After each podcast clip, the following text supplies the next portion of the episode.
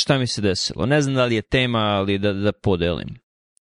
E, bili smo na moru, kao što znaš.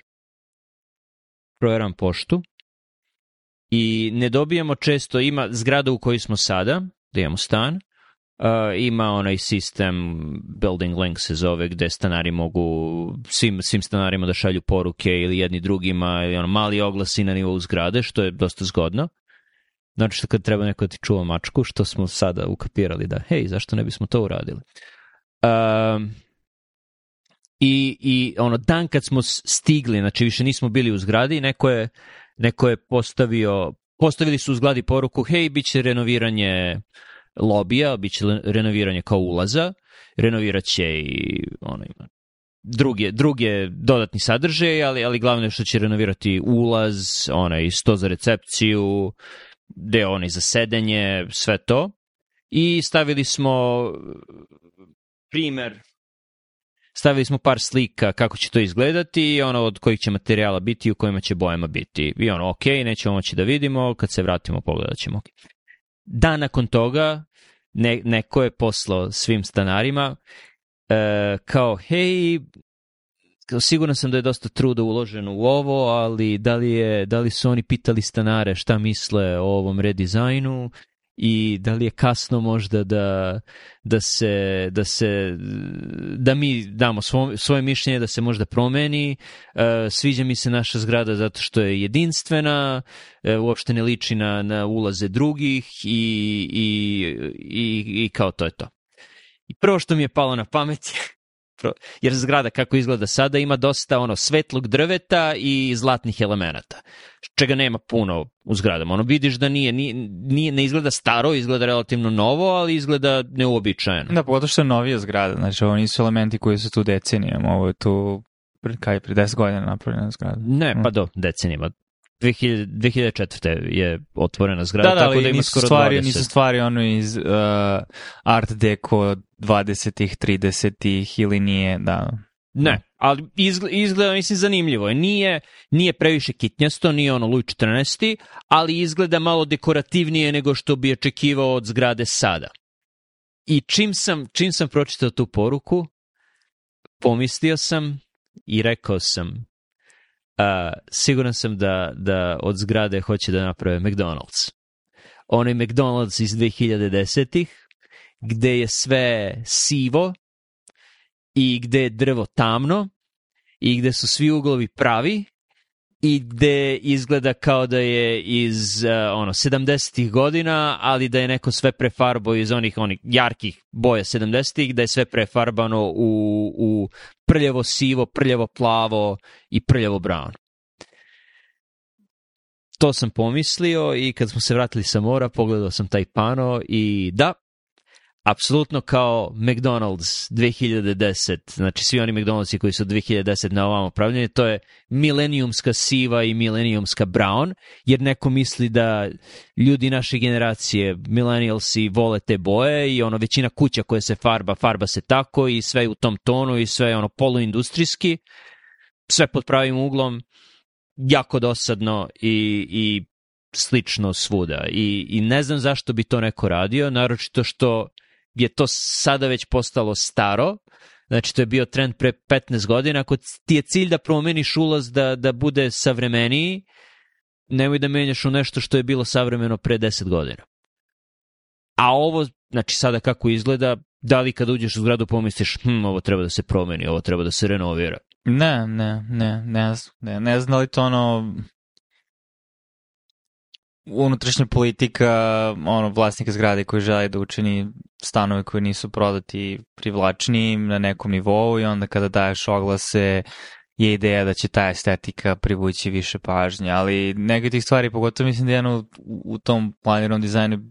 bila neka statua od nepravilnih, bezobličnih metalnih elemenata koji isto tako ono, taj, opet podsjeća na, mislim, estetski barem na taj neki brutalizam o kome smo pričali i ako želiš, mislim, da proširiš kontekst teme, znaš, postoje pitanje zašto su ti estetski ukusi um,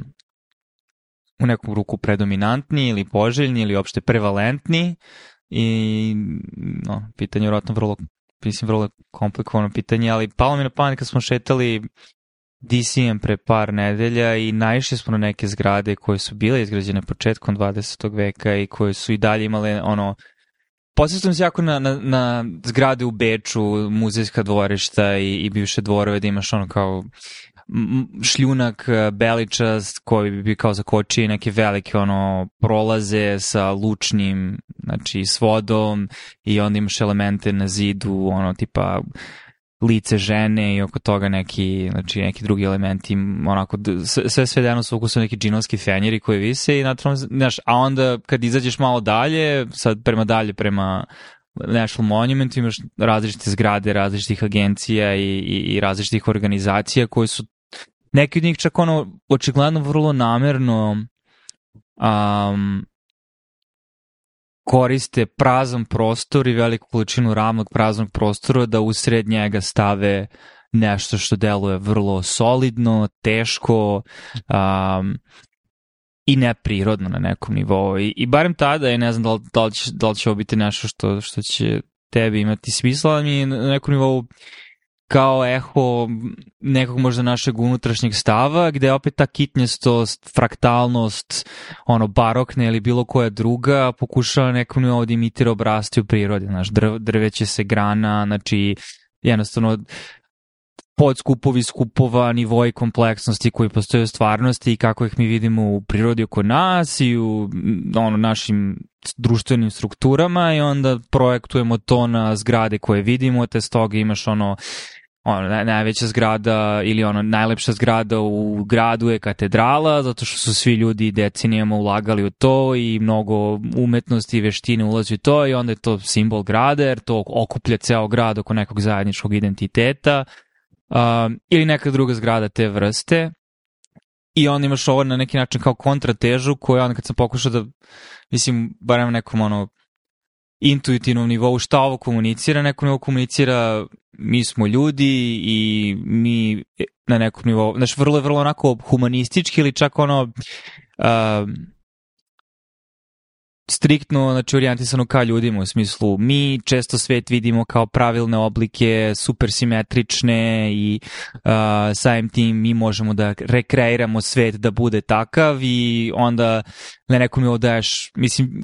opet to je odgovor na prethodne pravce šta god, ali uh, daješ čvrstu izjavu da mi možemo da preobratimo prirodu, da ona ima oblike kakve mi želimo, uh, pogotovo na talasu novih tehnologija, arma, armiranog betona i drugi stvari, da si stvarno i mogao da napraviš stvari koje um, do tada možda i nisu mogli da budu izgrađene na taj način. Um, I ono, koliko izgubljenih veština, znaš, postoje se pitanje kako su mnogi od tih mostova, crkvi, svodova bili građeni, da li mogli sada ponovo da izgradimo neke od tih stvari na način na koji su one bile izgrađene pre, tipa dokumentuje recimo umetnost vitraža i mozaika, kompleksnih mozaika, znaš, vremenom kako se gubi taj zanat, to je neko civilizacijono znanje koje se ne, ne prenosi, znaš, postoji škola za moza, kompleksne mozaike u, kako bi napravio neki mural recimo. Ono što hoću da kažem da možda nekom nivou je ono rezultat našeg estetskog doživlja nas samih i da su mi sami u svetu, nismo deo prirode, ali onda utisak je ali je ružno, ali je teško i neprirodno. I, tako da neki, neko nivou odražava i taj neki stav I opet imaš traume rata koji su čest komentar kao da se to gradi zato što ljudi nisu šali da pravi ništa lepo jer je prvi svetski rat, drugi svetski rat uništenja i vrat, mislim više faktor, više sila, ali bar u toj kontrateže znaš, nedostatak fraktalnosti ono što mi je i kompleksnih obrazaca ono što mi odražava tu brutalističku, minimalističku arhitekturu kao da ono Mislim, kao kad je Musk nacrtao onaj kamionet, kao ako dete vidi ovo i onda ćemo da napravimo nešto što izgleda kao kocka i, i to je lep oblik i to je privlačan oblik. Mislim, minimalizam ima svoje mesto, ali svet nije minimalistički. Znači, svet je vrlo fraktalan, kompleksan, višeslojan, harmoničan. Problem je što problem je što minimalizam, minimalizam je okay. mislim estetski je može da bude privlačan, Problem je što je jako teško održati minimalizam, jer kad vidiš da nešto treba da izgleda simetrično, čisto, prave linije, to je ok, ali bilo koje blago odstupanje od toga izaziva osjećaj nelagode. Tako da ne podnosi nered, ne podnosi ljudske utice, ne podnosi ljude da se nalaze tu. Uh, što znači da nije uopšte funkcionalno, jer mora da se paziš da ne, do, ne dodiruješ ništa. Ako, neko, ako nešto već izgleda pomalo organski, haotično, onda šta je još malo nereda da uneseš tu, izgled, izgleda lepo. I, I to je problem sa, ono, kada pustiš ljude da, da žive negde, što na prvi pogled treba da bude tako čisto, prave linije, šta god, nakon 10, dana, a ne 10 godina, to će izgledati potpuno drugačije, jer će ljudi početi da unose svoj, svoj dodir tu i da ost, hoće da ostave nešto, nešto lično. I onda kada, kada imaš ono izrezba, izrezbarene nečije, nečije, nečije imena na drvetu, to ono izgleda ok, pošto je sve onako hrapavo i izrezbareno, ako neko stavi grafit na nešto što treba da bude skroz beli zid sa pravim crtama, to izgleda ružno i to treba da se boji jer, jer, jer nije predviđeno tu, tu da, da stoji. Tako da, da, mislim, oni prave, prave stvari za makete, prave stvari za takmičenja, gde treba nešto da izgleda lepo uh, drugim arhitektama ili uh,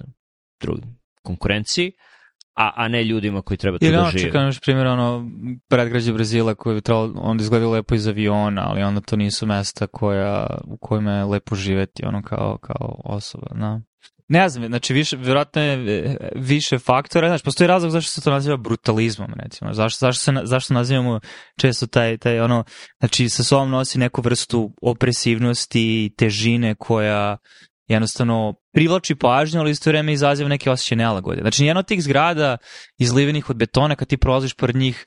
više osjetiš neku masivnost i neku težinu i potencijalno znaš, ono, neku kao moć, kao to mesto ti privlači pažnju, ali nije kao, wow, ovo je baš cool mesto. Znači, izgleda kao mesto iz noćne more, a ne mesto iz nekog lepog sna, recimo. Znači, kad dođeš na Enfant plazu, noću, jako creepy ume da izgleda. Mislim, dobro, sad imaš taj moment kako je to osvetljeno noću ili ne, ali često izgleda kao oni nepregledni pejzaži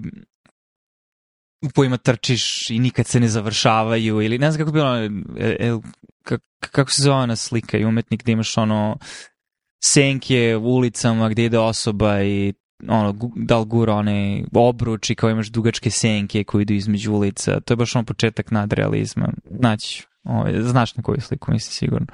Ali ima nečega u tome da estetski se tebi komunicira Da, mislim, ko je, ko je tvoj estetski doživlje tih stvari? Znači, nije sigurno,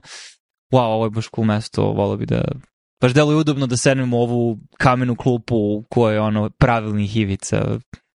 Ne, I ne samo to. Izgleda kao da je pravilno, simetrično, sve super, ali čik provaj da pronađeš ulaz u metro na Lanfon Plazi. To je,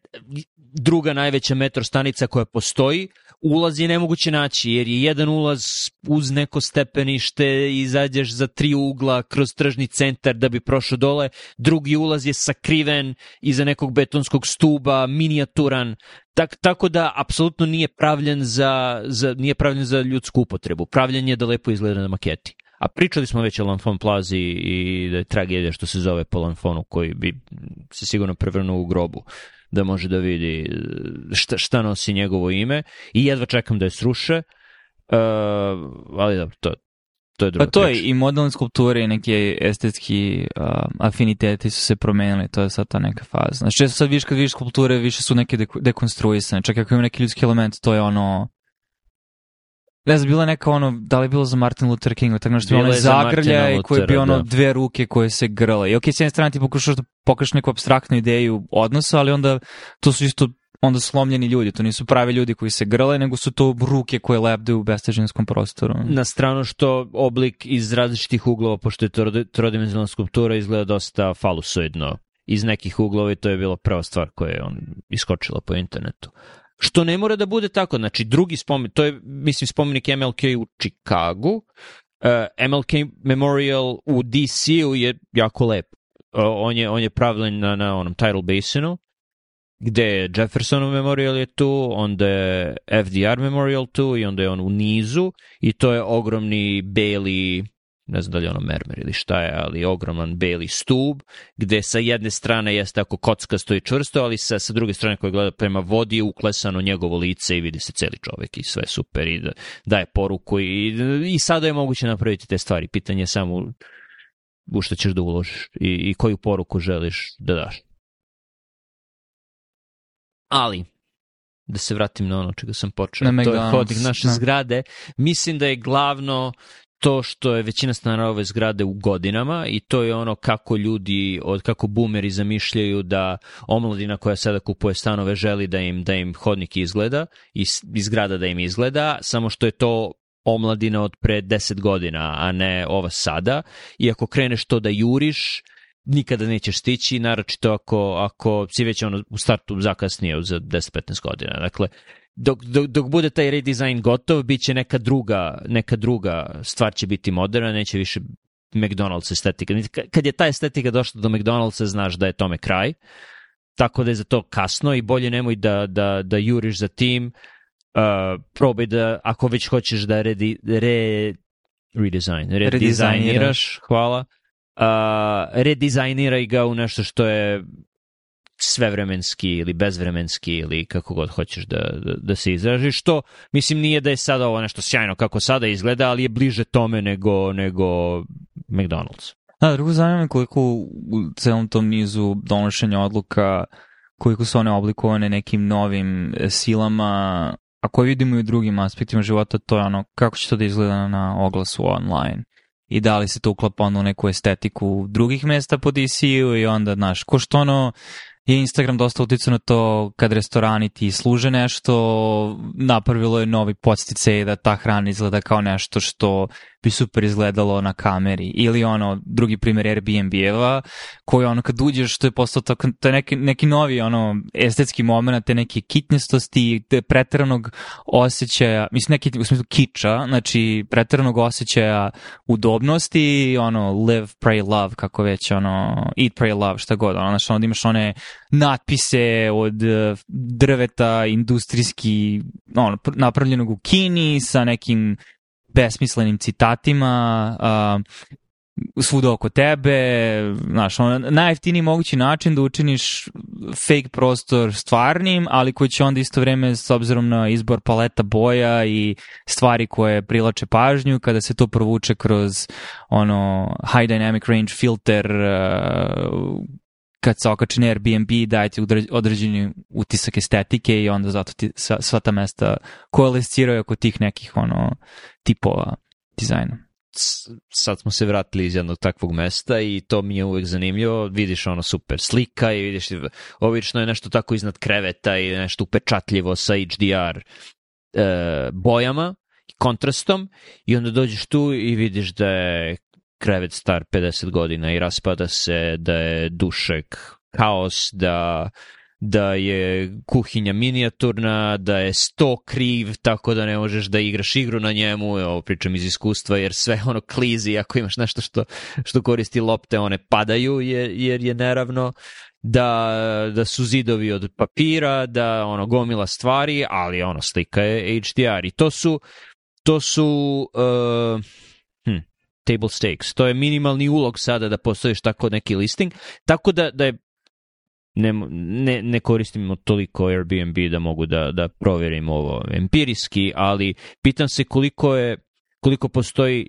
negativni signal gde mesto sa lošijom fotografijom je bolje od mesta sa boljom fotografijom pod uslovom da imaju isti rating na Airbnb. Znači za dva mesta sa istim ratingom i sa istim brojem gostiju, istim brojem komentara i vrstom komentara, mesto koje ima goru sliku je verovatno bolje od onog sa, sa boljom slikom. Da, mislim da je to ok heuristika, zato što postoje ono opet stvari koje ne možeš da kvantifikuješ, barem u sistemu komunikacije kroz listing, a fotografije su sad ono jedan od prvo, prva stvar koju vidiš, stvar koja ti najviše komunicira, inicijalno kad ti gledaš površno nešto, da li uopšte ovo izgleda kao mesto da ćeš ići, pa onda dalje čitaš. Ali to, bili smo prošli vikend u hotelu i onda sam bio, wow, kako je dobro biti na mestu gde možeš samo da sedneš u čist krevet i da pozoveš nekog da ti donese čiste peškire i ti ne moraš da pakuješ sve te peškire ne moraš da spakuješ svo đubre, ne, ne moraš da stavljaš posuđe u mašinu i da staviš tabletu u mašinu, jer došli smo iz toga, a Airbnb je jeftinije i pričali smo o ome i on, um, e, znaš, jeftinije, lepše, udomljen si kod nekoga, bla bla, onda se ispostavio da ti uradiš gomilu posla za njih što se tiče održavanja samog mesta, pritom normalno striktna pravila prema tebi kao gostu gde ono razmišljaš da li Airbnb hosting privlači ljudi koji imaju tip ličnosti gde vole da se malo uživljavaju na drugim ljudima i da ih kontrolišu sa ono, imamo kameru u dvorištu, primetili smo da stiznili ćebad napolje, ovo je stvarno iskustvo, nemojte ćebad, ta ćebad ne mogu da budu napolju i tako stvari poput toga. A, to je jedna strana toga i drugo što na kraju opet i platiš to čišćenje i ono gomilu fijeva i onda kao ok, ne, osje, ne osjećaš se uopšte udobno i, i uopšte ni ne osjećaš kao da si u svojoj kući, nego se osjećaš da si u kući nekih neprijatnih ljudi koji ne žele da ti baš budeš tu, ali opet moraš da im platiš da si tu. Uh, to je neverovatna klackalica, isto može da se kaže i za iskustvo u taksiju u poređenju sa iskustvom u Uberu, Liftu, što god koristiš za, za ride sharing. Uh, sada na gomili aerodroma red za taksi je minimalan, taksi je iste cene ako ne jeftiniji od Ubera ili Lifta i mnogo se više isplati pod uslovom da je dostupan taksi da koristiš taksi, a ne, a ne te ride sharing servise. Ti verovatno sad u DC-u ne koristiš, ali iskreno, ovde gde smo sada pa do tvoje kuće, mislim da su taksi dosta česti, proveri, uđi u taksi, vidjet ćeš da, da, da, da, da će ti biti jeftinije ne, nego da koristiš Uber ili Lyft. Da, i drugo što je opet e, čitavo iskustvo, znači to je jedno, jedno kako je počelo, onda kako su tržišne sile i, i ostali faktori, ono, pričali smo o, o ono,